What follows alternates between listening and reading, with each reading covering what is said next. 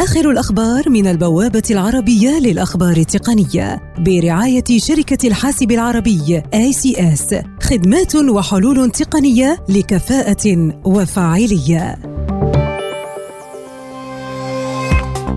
فيسبوك تدرس فرض قيود على من يمكنه نشر مقاطع فيديو مباشرة على الشبكة الاجتماعية في أعقاب الهجمات على مسجدين في نيوزيلندا وذلك بالاعتماد على عوامل انتهاكات معايير فيسبوك.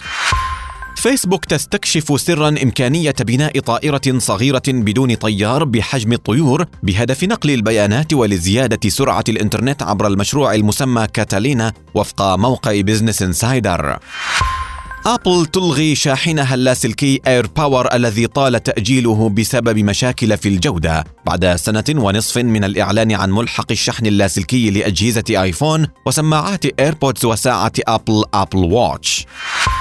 هواوي تدعو نظراءها العالميين إلى اتباعها من خلال زيادة شفافية قضايا الأمن القومي وسط تأكيد الشركة أنها عززت الاستثمار في أمن المنتجات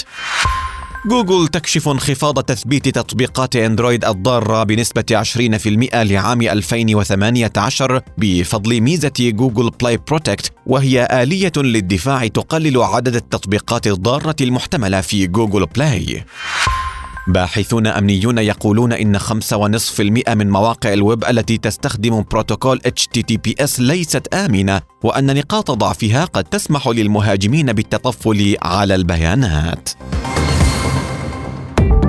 آخر الأخبار من البوابة العربية للأخبار التقنية برعاية شركة الحاسب العربي ACS خدمات وحلول تقنية لكفاءة وفاعلية لمزيد من تفاصيل هذه الأخبار وأخبار عديدة يمكنكم زيارة موقع البوابة على شبكة الإنترنت aitnews.com